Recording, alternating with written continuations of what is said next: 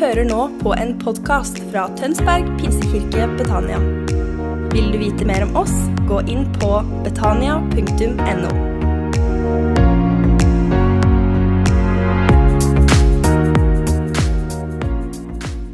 Og så er jeg så utrolig stolt av hva vi får til her i ungdomsarbeidet. Og det, eh, Den gjengen som sto her oppe i stad, det er virkelig kremgjengen. Det er de som virkelig står på, sånn at dette her er mulig. Jeg skal ha litt litt credits, jeg skal innrømme det, men de skal ha mest. Det er de som fortjener det aller, aller mest. Og herlighet, jeg fikk lyst til å være med i et team. Åh, fikk lyst til å være med nesten alle teama. Så hvis du er her, så er du hjertelig velkommen til å være med i hvilket som helst team. Uansett hvor gammel du er, uansett hvor ung du er, uansett hva du tenker på, tror på, så har du en plass her. Enten om det er første gangen din her, og du har lyst til å være med, så har du en plass i, hos oss. All right? Så bra. Mitt navn er Karl Einar, og jeg er um, ungdomspastor i kirka her. Så uh, jeg har den store gleden av å lede dette arbeidet, og uh, det er det beste som fins. Det fins ingen bedre steder å være en fredagskveld enn akkurat her. Men jeg skal også tørre å påstå at det er ingen bedre steder å være enn onsdags ettermiddag heller. Enn akkurat her. Det er så nydelig å være her med alle disse fine folka. Så anbefaler deg å ta turen innom. Jeg er også 22 år, og jeg er gift med min kone som sitter på hjørnet der. Eh, vi har vært gift i to år. Over to år. Så hvis du trenger kjærlighetstips, så vet du hvem du skal komme til. Der er jeg god. All right. Jeg talte for to uker siden om eh, at, uh, at vi, vi, ofte på en måte uh, fokuserer feil. Vi ofte fokuserer vi og tilber. Vi, det, det skapte istedenfor skaperen. Og så talte Mikael helt nydelig sist fredag om at vi har blitt gitt gaver og talenter. Uh, og hvordan vi kan bruke de. Og så skal jeg runde av denne taleserien vi har kalt 'Skapt for å skape' i dag. Og Vi skal se litt på skapelse gå litt i dybden på det. Vi skal nerde litt nå snart om skapelse. Og så skal vi snakke videre eh, om hvordan dette betyr for, for, vår rolle i dette skaperverket. Høres det bra ut? Så fint. Liker du den du sitter ved siden av? Helt fantastisk, altså. Åh, det er så bra. Nydelig. Vi hopper rett inn i det. Um, får vi den opp?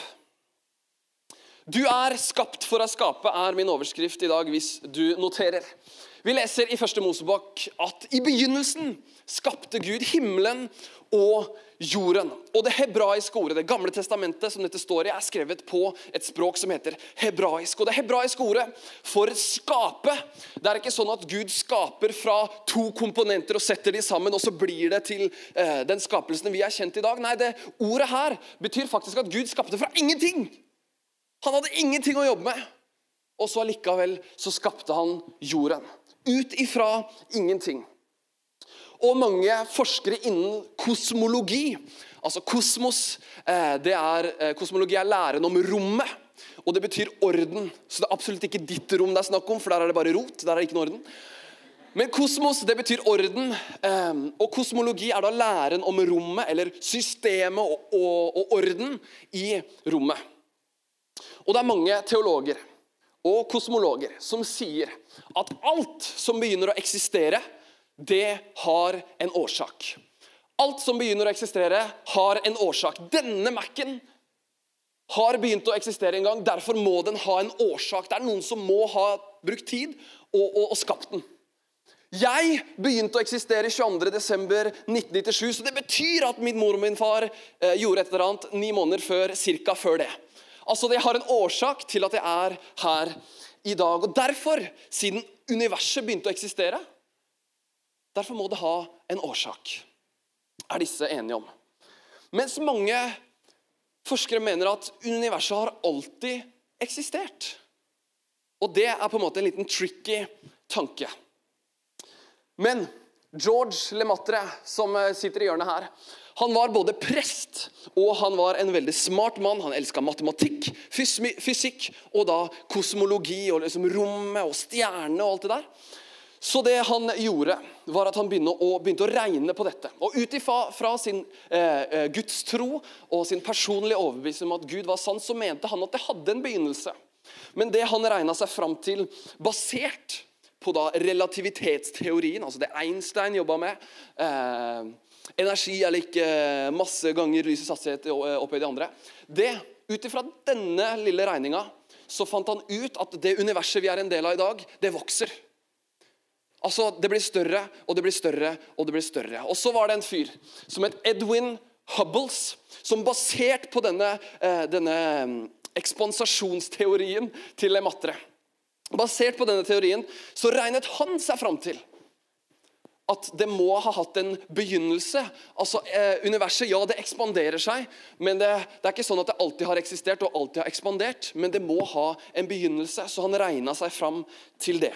Så de mener at det har en begynnelse, at tid og rom ikke alltid har vært, men at det har blitt skapt en eller annen gang av en eller annen. Henger dere med så langt? Så bra.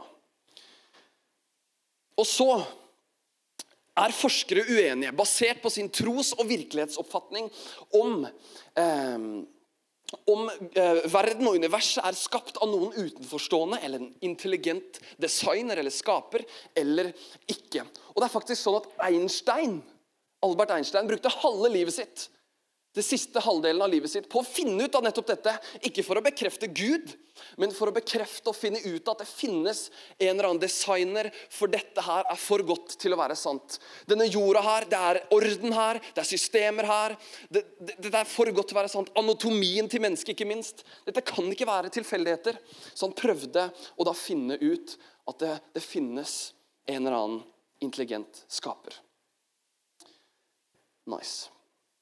Men Big Bang-teorien den har vi kanskje hørt om. og Den eh, baserer seg på, på at det er eh, partikler og støv som kolliderer. og Dette skaper da en eksplosjon som setter alt i gang. Jeg vet ikke med deg, men når har noen gang en eksplosjon satt noe i orden? Jeg har aldri sett en eksplosjon Jeg kan bare forestille meg på et fjell hvor det er masse trær, og så plutselig bare sprenger det. Og så, etter røyken blir borte, så er det et hus der. Altså, Det hadde vært helt sykt. Eller for eksempel, plutselig så bare eksploderer det i kjøleskapet vårt, og så står det en kake! Altså, Tenk om eksplosjoner hadde fungert sånn. Men det er jo egentlig ikke sånn det gjør. Fordi når det eksploderer, så skaper det bare kaos. Og det kan vi se her. Dette er en eksplosjon i et atomkraftverk. Når det eksploderer, så raser alt sammen. Alt det som var i orden, det er ikke lenger i orden. Men det motsatte, altså en implosjon ja, Implosjon er vel noe litt annet, egentlig. Men når vi har satt den samme bare i revers, så er det egentlig det som skjer. Og det kan, ikke, det kan ikke skje fra en eksplosjon i mitt hode. At ting eksploderer, og plutselig så blir det orden og systemer. Men det må ha stått en eller annen fyr utenfor som har holder litt kontroll på dette. Og Det er en fyr som heter Roger Penrose fra Oxford-universitetet. Vi skal nerde litt til, folkens, så bare heng med. Han heter Roger Penrose fra Oxford-universitetet. og Han begynte å regne på balans, eller han skulle finne ut sannsynligheten for at det ble liv etter Big Bang. Så han begynte da å, å ta eh, mørkt materie og, og, og, på en måte gjorde matte rundt mørkt materie, atomer, eh, protoner og nøytroner og alle de tinga der. Så han fant ut at etter Big Bang sannsynligheten for at det skulle bli liv, ville vært én ut av ti. Og ikke bare ti, for hvis det er én ut av ti, så er det 10% sjanse. Heller ikke bare én ut av ti opphøyd i tiende, men faktisk én ut av ti opphøyd i tiende, opphøyd i 123. Så liten sjanse var det at liv skulle bli til etter Big Bang. Altså når jeg skrev dette inn i, i kalkulatoren på, på, Google, så ga de meg svaret dette er uendelig. Altså, Dette gidder ikke vi å regne på engang. Dette her er uendelig. Dette er et så helt vilt høyt tall. Og det er så vilt lav sannsynlighet for at det skulle bli liv at det er vanskelig å tro at det er en tilfeldighet. Og det er faktisk sånn at tidligere hovedleder for NASAs romforskning, og han heter for Robert Jasrow, og han mener Og dette er en veldig eh, anerkjent mann. Robert Jasrow, tidligere eh, eh, hovedforsker for, eh, for, NASA. Og han sa at dette er det største bevis på at det finnes en gud. Fordi sannsynligheten var så liten. Men allikevel så er vi her i dag.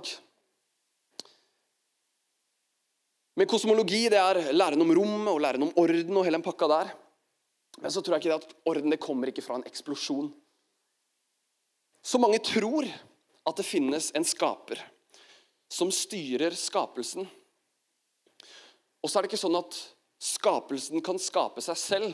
Nei, Forskere mener at det må ha en utenforstående årsak. som ikke, og De har satt om noen kriterier til denne skaperen. og nå skal jeg gi dere de veldig, veldig kjapt. De mener at denne skaperen må være utenfor tid og rom.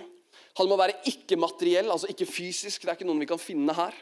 Eh, han må være uforårsaket, altså det er ingen som er før han eller hun. han er uforårsaket og allmektig. Og det er dette Folkens, her tror jeg Gud kommer inn i bildet. Som har skapt universet, som har skapt orden, og som har skapt oss med hensikt. Og det er faktisk sånn at mange har kommet til meg og sagt det. At Gud og vitenskap det er ikke helt forenlig. Altså, Vitenskapen forteller én ting, men religion og tro og de greiene der, de forteller en helt annen ting. Men da var det en veldig smart mann på på, på 1700-1800-tallet som sa dette. Litt filosofi vil føre en manns sinn til ateisme eller vekk fra Gud. Mens en dyp og, og mye filosofi vil føre en mann til Gud.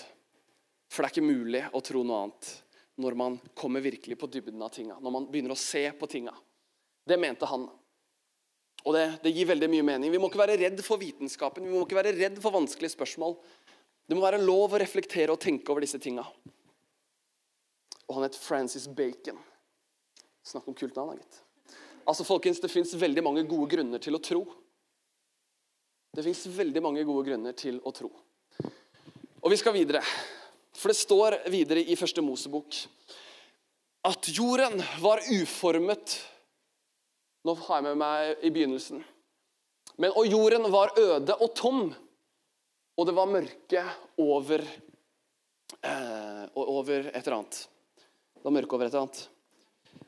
Eh, dypets overflate. Men bare hør her. Allerede i skapelsen så er det fortsatt ikke helt orden. Altså Den var øde, den var tom. Det er ikke helt den orden vi, vi kjenner her i dag. Og mørket lå over dypets overflate. Og så står det at Guds ånd svevde over vannflaten. Og At Guds ånd er til stede i skapelsen, tror jeg ikke er en tilfeldighet. Det er ikke bare sånn at, eh, eller Jeg tror på pinsedagen ble eh, Guds ånd gjort tilgjengelig for alle sammen.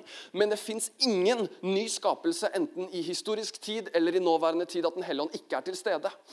Altså Når vi snakker om å bli født på ny, jo, det handler om Den hellige ånd. Når det snakker om nyskapelse i fremtiden av jorda og himmelen, så er det snakk om at det er Den hellige ånd som jobber.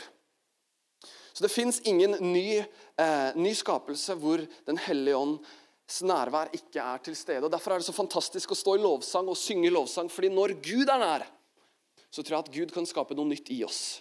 Han kan gjøre noe nytt i oss. Er dere med? Jeg tror han kan gjøre noe han aldri har gjort før. Det er når Den hellige ånd er til stede. Så når vi er i lovsang, så kan hva som helst skje. All right? Og så står det Da sa Gud, la det bli lys. Og det ble lys. Det er ganske kult at Gud bare sier, og så skjer det. Altså Gud har, Guds ord har en skapende kraft. Og Det sier noe om at han er allmektig, og at han er en skaper. Og jeg tror også det. At han fortsatt skaper. At han har ikke stoppa å skape. Bare, bare hør på forskerne som sier at universet fortsatt ekspanderer. Jeg tror Gud fortsetter å skape, ikke bare i det store, langt fjerne, men han skaper også noe i ditt liv. Og han vil skape noe i ditt liv akkurat nå. Og så er det heller ikke sånn at Gud han har starta, eh, han har trukket opp en klokke. Den gamle klokker dit måtte trekkes opp. Og så er det ikke sånn at Han trakk opp den klokka, og så forlot han verden, og så lever det på egen hånd. Nei, Gud han lever i denne verden også. Og så vil jeg at dere skal legge merke til dette. Gud han skapte lys før han skapte sola. Wow! Er ikke det ganske kult? Han skaper lyset her, og det blir lys. Men han trenger ikke noe sol for å skape lys. Nei, sola blir skapt på dag fire. den. Merk dere det. Det sier noe om Gud, at han ikke trenger å, å, leve innenfor fornuftens rammer, men at Gud er Gud. Gud er skaper. Han, kan gjøre akkurat hva han vil. Og så står det Gud så lyset, og at det var godt. Og Gud skyldte lyset, fra mørket, og Gud kalte lyset dag. Og mørke natt, så ble det kveld, og det ble morgen den første dagen. Jeg syns denne teksten her sier veldig mye om hvem Gud er. Det sier om hvor stor han er. Det sier om noe at han er Gud, at han ikke trengs å begrenses av en, av en del greier, og vår fornuft, ikke minst. Men så sier det også noe om at Gud han er detaljorientert. Han bryr seg om detaljene, han bryr seg om de små tinga. Og jeg tror det at Gud han er så stor at han bryr seg om de små tinga i livet ditt. Gud han er så stor at han bryr seg om de små tinga i livet ditt. Men skaperverket er ikke bare der. Men du er en del av skaperverket. Og I historien om Adam og Eva så kommer det fram to veldig viktige sannheter om oss som mennesker. Jo, det er én. Det er vår himmelske verdi. Og så er det menneskets syndige natur. Hang with me. ok? I første Mosebok 1, 27-28 så står det så skapte Gud mennesket i sitt bilde. I Guds bilde skapte han det. Til mann og kvinne skapte han dem. Så velsignet Gud dem og sa, vær fruktbare og bli mange. Fyll opp jorden og legg den under dere. Så var det ferdig. Der! Så står det i, i kapittel 2, vers 7. Og Herren Gud formet mennesket av jordens støv, og han blåste livets ånd inn i hans nesebor, og mennesket ble en levende sjel. Her også ser vi at når en ny skapning blir til, så er det Gud som puster sin ånd på mennesket. Og Så kan vi lese videre om Adam og Eva. At de lever i paradis med Gud. I Edens hage. I Guds nærhet. De får lov til å henge med Gud helt sånn fysisk. Og bare for litt fun facts, Adam det betyr menneske eller menneskehet, og Eva betyr liv. Eva liv, som jeg pleier å si. Og de får én retningslinje. Og det er at de kan nyte av alt i denne hagen. De kan få lov til å spise alt, de kan få lov til å drikke alt. Men én ting får de lov, ikke lov til å gjøre. Det er å spise av frukten fra kunnskapens tre om godt og ondt. Og det, eh, det det vil si, er at de er Gud i egne liv. Når de spiser av denne, og når djevelen frister de, så sier han ved å spise av denne så blir du Gud blir du lik Gud. Og så, når jeg satt og tenkte på dette her om dagen, og det er kanskje bare noen som henger med meg på denne Men er det ikke rart at de blir frista av å bli lik som Gud når mennesket allerede er skapt i Guds bilde? Altså, de er allerede det de blir frista til. Er det noen som henger med på det? Jeg syns det bare var en kul tanke. Så jeg har lyst til å dele. Nice. De blir frista og faller i synd.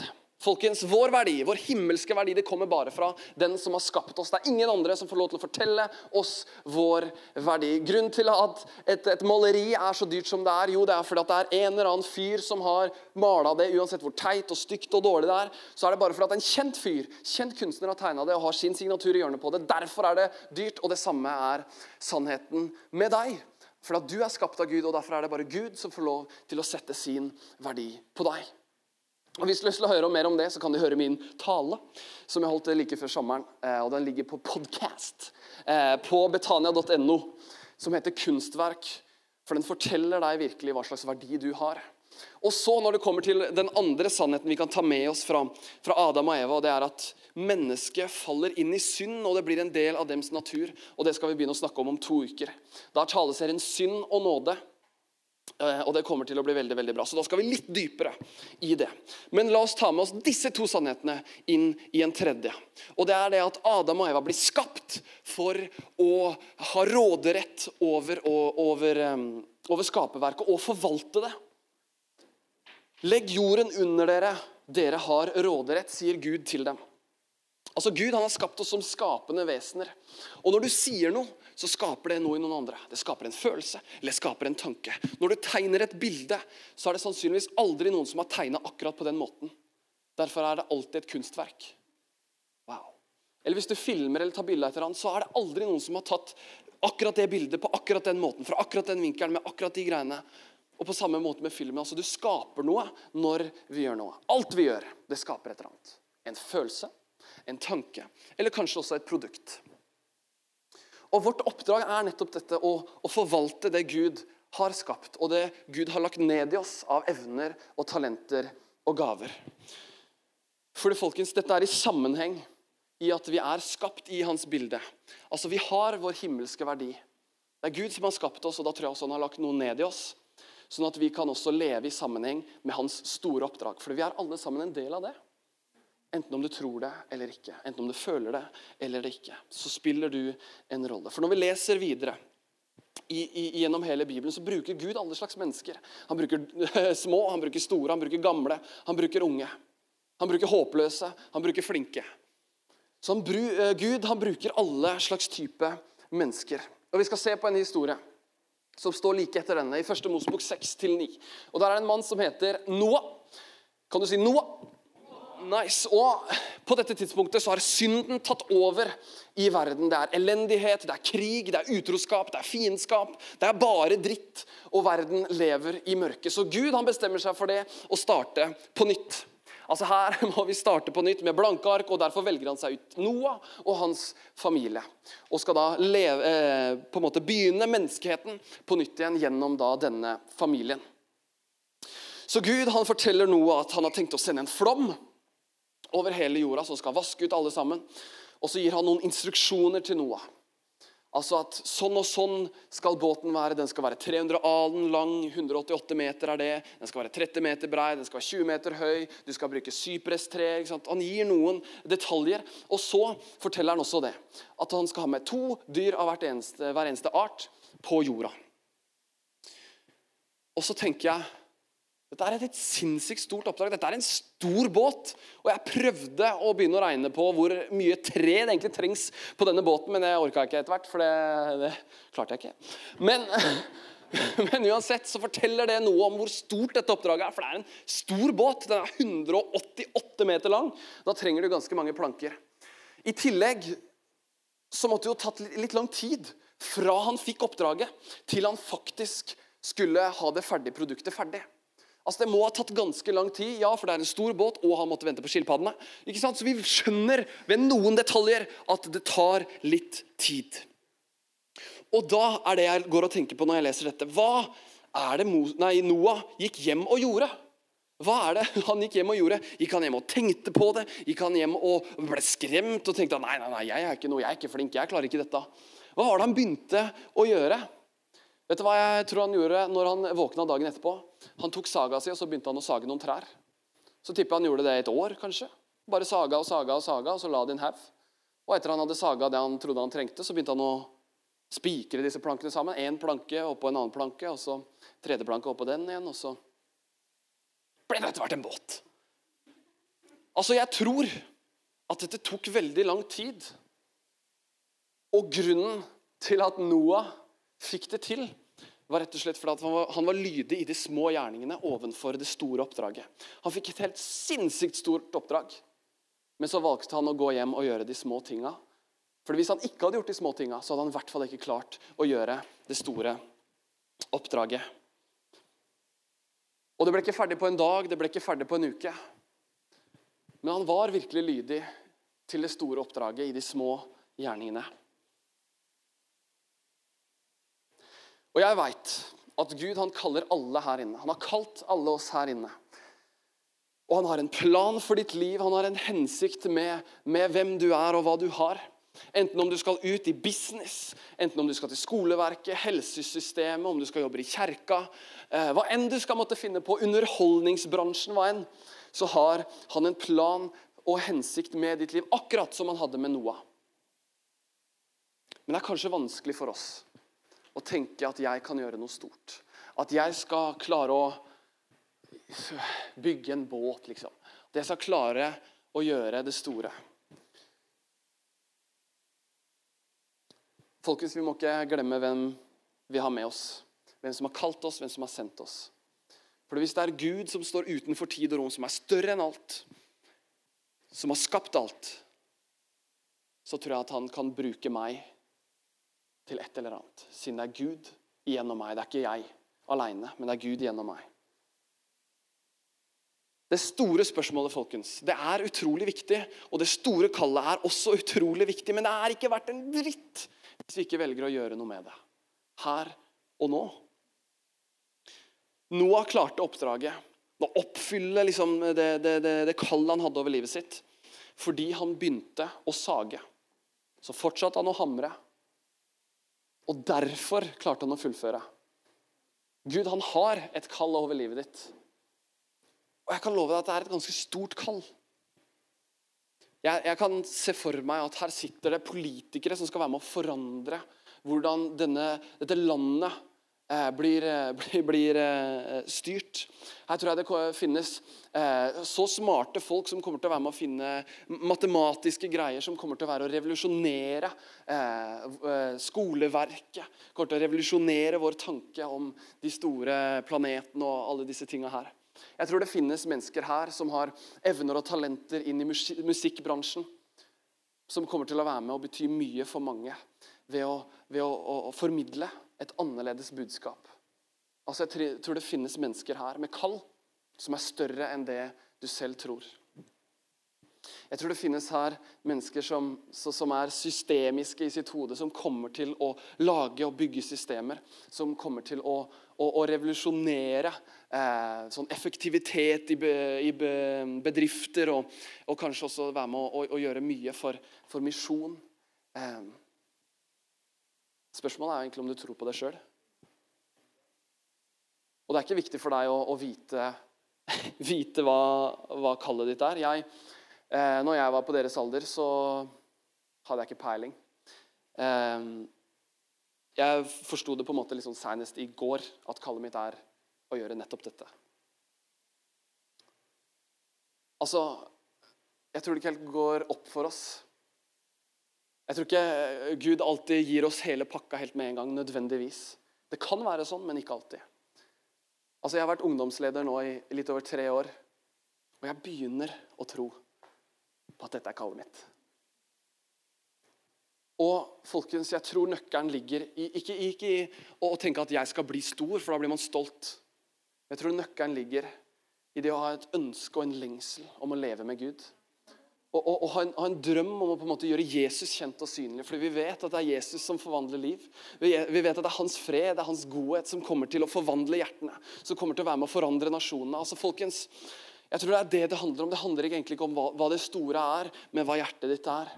Hvor hjertet ditt er. Hva slags intensjoner du har.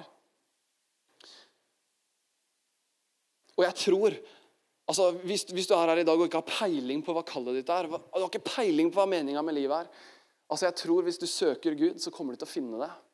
For det er Gud som har svaret på det.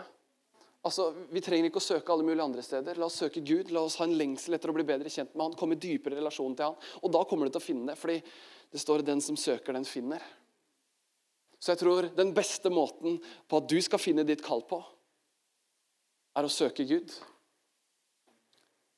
Det er et kjipt svar, for det er litt for enkelt. Men så er det egentlig ganske vanskelig å gjennomføre. Men jeg tror det er det som er sannheten, at når vi søker Gud, så kommer vi til å finne det kallet. Mer enn når vi søker alle andre steder. Er dere med meg? Gir det mening? Så bra. Og jeg tror at vår tids største løgner er de vi forteller oss selv. Vi er verdensmestere til å snakke oss selv ned. Altså liksom Hver uh, andre gang jeg taler, annenhver gang, så sier jeg til meg sjøl at jeg er jo egentlig ikke så flink. Er jeg så god? Får folk noe ut av dette her? Og det er nydelig at dere gjør det. Men altså, det er så utrolig lett for oss å på en måte betvile våre evner og våre gaver. Og jeg tror ofte at vi, vi, vi, tenker at vi er så mye dårligere enn det vi egentlig er. Og det er en pandemi som er enda verre enn det eh, korona er. Altså Det gjelder ikke bare oss, men det gjelder egentlig hele menneskeheten. At vi snakker oss selv ned. Vi tror ikke på oss selv. Enten så er vi den enden av skalaen, at vi, vi, tenker at vi er for dårlige at vi ikke er brukt til noe som helst. Eller så tenker vi at vi er i den andre kategorien, hvor vi er så stolte at vi tror vi er bedre enn alle andre. Og derfor kommer heller ikke til å få til noe som helst. Men de største løgnene de forteller vi oss selv. Og du tenker kanskje her du sitter, har jeg noe å bidra med her? Altså, Jeg kan ikke stå foran og prate, eller jeg kan ikke synge. Men hvis du ikke kan det, så har du sannsynligvis noe veldig mye viktigere å gjøre. Altså, Du trenger ikke å prøve det engang. Du har sannsynligvis noe veldig mye viktigere å gjøre enn å tale enn å, eller, eller å synge. Altså, som Adam og Eva hadde ansvar i å forvalte skaperverket, så har vi akkurat, akkurat, det samme. Vi er en del av skaperverket. Gud han har skapt deg og han har skapt meg med noen gaver, med noen talenter, med et eller annet. Og Vår oppgave er å forvalte det. Og På samme måte som Noah fikk et helt massivt oppdrag, så er egentlig det store spørsmålet hva var det han gikk og gjorde dagen etterpå. De lille, små tinga. Han var lydig til det store oppdraget ved å gjøre de små gjerningene, ved å gjøre de små handlingene. Og det tror jeg også er viktig for oss her i dag å vite. At om du har et kall om å bli misjonær, eller kall om å bli artist, eller, eller har en drøm da, om å bli det ene eller det andre, så kan du starte den reisen ved å ta et steg her i dag. Ved å, ved å gjøre en liten handling i lydighet til Gud ovenfor det kallet han har over livet ditt. Det er, det er, mange måter å gjøre det på. Vi skal over i lovsang etter hvert, og det er én måte å gjøre det på. Du kan be en bønn og si, 'Gud, her er jeg. Jeg er tilgjengelig. Bruk meg til akkurat hva du vil.' Og Gud, jeg drømmer om dette. Jeg har, jeg har drømt om dette hele livet mitt. Bruk meg innenfor dette. Du har lagt en, en lengsel ned i hjertet mitt. Ta Bruk det. Jeg er tilgjengelig. Men hvis, det, det, kanskje den viktigste delen av bønnen, og det er det fordi det var sannhet i mitt liv, er at Gud, hvis du har noe helt annet for meg, så gjør jeg det. For Det er så lett at vi, vi går oss i et spor at det er dette vi skal gjøre med livet vårt. At, at jeg har bare én plan A. Og hvis ikke det skjer, så veit jeg ikke hva jeg gjør. Men jeg har én plan A, og koste hva det koste vil. Men jeg tror en, en helhjerta etterfølgelse, en helhjerta overgivelse til Gud vil være å si Gud, her er alle mine drømmer. Og å komme fram barnslig som, som en lite barn kommer til foreldra sine før jul og har liksom tusen ønsker. Og det kan også vi komme fram foran Gud med. Men hvis vi ikke ber bønnen, men hvis du har en helt annen plan for meg ja, Eller jeg tror det er en viktig bønn å be. Fordi jeg tror det beste måten vi kan leve livet våre på, er i Guds kall, i Guds plan og i Guds nærhet. Gir det mening? Så bra. Nydelig. Paulus han lærer oss noe i Det nye testamentet. Og Han lærer oss hvordan kirken bygges, og ikke hvordan den lokale kirken bygges. altså innenfor disse fire veggene, Men den globale kirken, altså Guds rike, hvordan det bygges. Um, og det leser vi ikke her. Men hvordan vi utrustes i å bygge utrustes til hans tjeneste, til å bygge eh, opp hans kirke, til å utføre hans oppdrag med Jesus som hode. Og det er faktisk sånn at det er ikke Gud som har sendt oss ut til å gjøre et oppdrag her i verden. Nei, Gud er i verden det er allerede sagt i dag. Gud han lever i verden, og han gjør dette oppdraget. Det var han som starta det, han som kommer til å avslutte det. Og vi får, bare, vi får, bare, lov til å være med på det. Og Guds store oppdrag er å, eh, å møte hver enkelt en. Og forhåpentligvis ta de med hjem til der de hører hjemme, sammen med Gud. Det er hans store oppdrag, og vi får lov til å spille vår eh, rolle i nettopp dette. Og Det står 'Meg er gitt all eh, makt i himmel og på jord', sier Jesus. Gå derfor ut og gjør alle folkeslag til disipler idet dere døper dem til Faderens, Sønnens og Den hellige ånds navn, og lærer dem å holde alt det jeg har befalt dere. Og se, jeg er med dere inntil denne tidsalders ende. Altså, dette er Guds oppdrag som vi får lov til å være med på, som du har en rolle å spille i.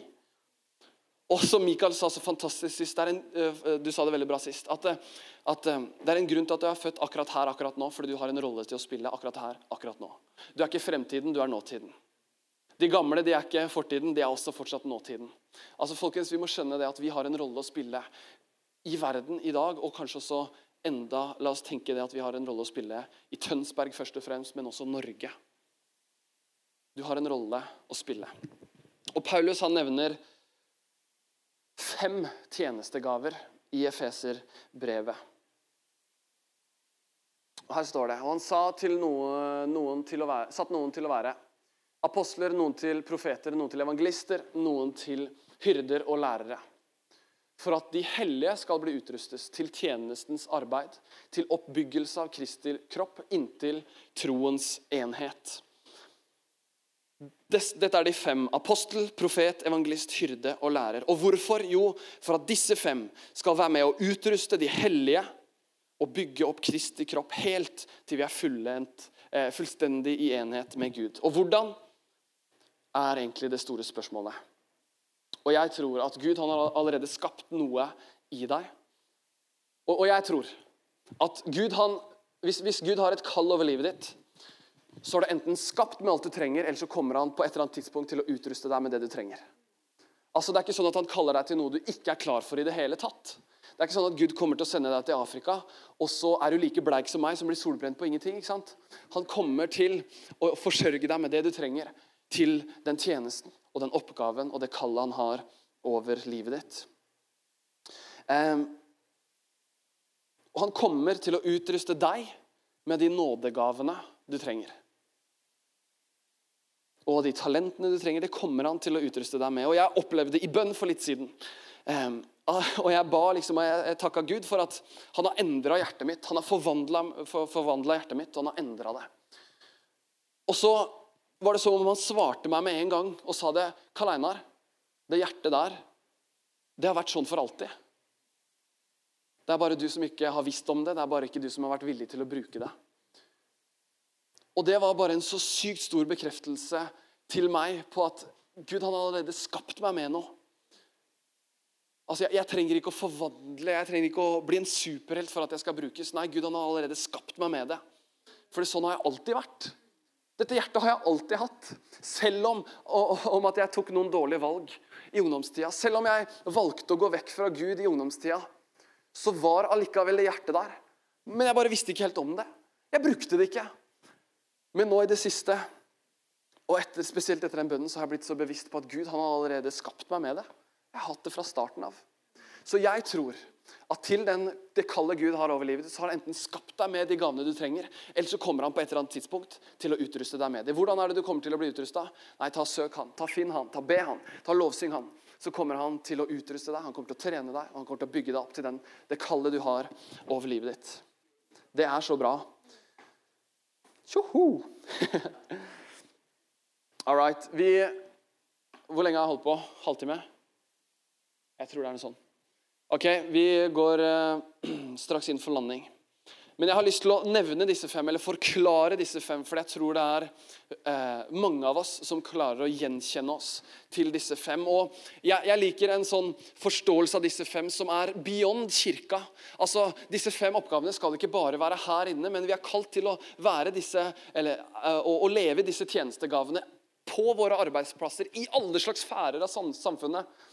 Altså, folkens, vi skal ta med Gud ut på vår måte. Jeg tror det er noen som kommer til å kjenne seg igjen i en av disse fem. Apostel det er på en måte et sendebud, altså at man er sendt på vegne av noen andre.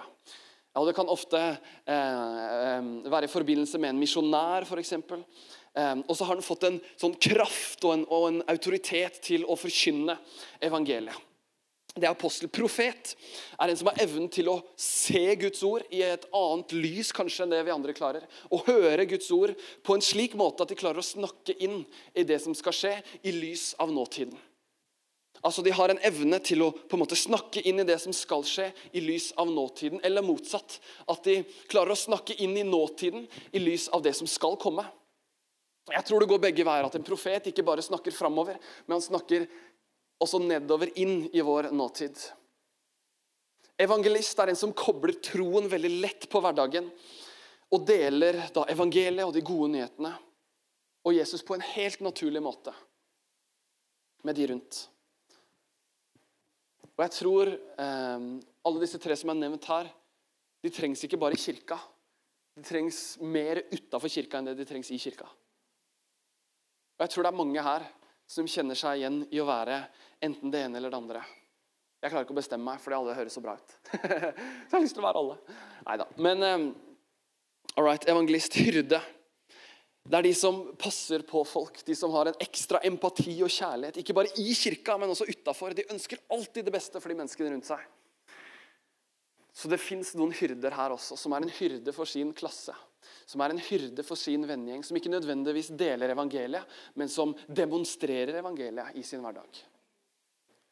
Og så er det lærere. De som hjelper oss med å forstå Gud, som hjelper oss med å forstå Guds ord. Og dette er ofte intellektuelle, intellektuelt anlagte folk som elsker å analysere og resonnere og finne fram til liksom svara. Og ikke bare det, men som også hjelper alle oss andre med å forstå det de har funnet ut av. Jeg ville bare nevne de fem, forklare det litt, for jeg tror det er flere her inne som kjenner seg litt igjen. da i noen av de. Og kanskje det kan være eh, lettere for deg å gå inn i en tjeneste, gå inn i et team eh, og forstå sitt oppdrag når man forstår noe mer av hvilken tjenestegave man har blitt gitt av Gud. Og så er det sånn at eh, For at vi skal fungere i våre tjenestegaver, så vil også Gud utruste oss med nådegaver. Det er visdomsord, kunnskapsord, tro, mirakelgave, helbredelse, profeti, prøve og sjeldne ånder, tungetale og tydning. Jeg tror Gud vil gi oss dette. Gi oss det vi trenger for å kunne stå i vår tjeneste. All right. Du er skapt for å skape. Jeg vet ikke om du tror på det selv engang, at du har en rolle å spille. Men bare la oss, la oss ha Noah som forbilde. Det, ingen, det, står egentlig ikke om hvor mange år det tok men i mitt hode og i min forstand så gir det mening om at det tar ganske lang tid fra han fikk oppdraget til han faktisk eh, oppfylte det. Og han ble faktisk 950 år, så han hadde noen år på seg. Så jeg tror også at du har et kall over livet ditt, og vi trenger ikke å stresse med at vi har et stort spørsmål eller et stort kall hengende over oss, men det vi kan tenke på, er hva det vi kan gjøre i lydighet her i dag overfor Gud. Hvilken handling i, i lydighet? Hvilken, hvilken, eh, hvilken posisjon er det vi stiller oss i her i dag? For jeg tror det har veldig veldig mye å si. Og Vi skal nå inn i lovsang, og det er en utmerket anledning til nettopp det. At vi stiller oss innenfor Gud, at vi er i Guds nærvær. At vi synger lovsang, og vi mener det vi synger. At vi overgir oss i lovsangen. Det er, det er en måte å posisjonere seg riktig på for å kunne leve i Guds kall, tror jeg. Jeg tror ikke vi trenger å gjøre så veldig mye annet, egentlig enn å posisjonere oss riktig. For Gud han vil på et eller annet tidspunkt forsørge oss. Han vil på et eller annet tidspunkt gi oss de gavene vi trenger. Og Hvis dere har sett Evan Almighty, som er en remake av Noah, så er det sånn at Evan han vil ikke dette. Absolutt ikke. Han tror ikke på det. Men så blir det sendt store blokker med eh, planker på døra hans. Og han nei, nei, nei, det, det skal jeg ikke gjøre. Men han får planker på planker på planker. Jeg tror det er litt sånn som, som Gud fungerer, at han kommer til å gi oss det vi trenger for å kunne stå i den tjenesten. La oss alle sammen reise oss opp. Lovsangsteamet, dere kan komme opp. Og Vi trenger å vite nettopp denne første sannheten. Hvem er det som har skapt oss? Hva slags verdi er det vi har i livet vårt? For det er faktisk sånn at du er god nok som du er til å kunne gjøre mer enn nok og til å spille din rolle i Guds store oppdrag. Du er mer enn god nok. Gud han kaller ikke de kvalifiserte, men han kvalifiserer de kalte. Det er en litt annen måte å si det på. at Gud han kvalifiserer de han kaller. Han vil gjøre deg klar, han vil gjøre deg komfortabel, han vil gjøre deg trygg. Og det eneste vi trenger å gjøre, er å posisjonere oss riktig. Og la oss nå eh, lovsynge sammen.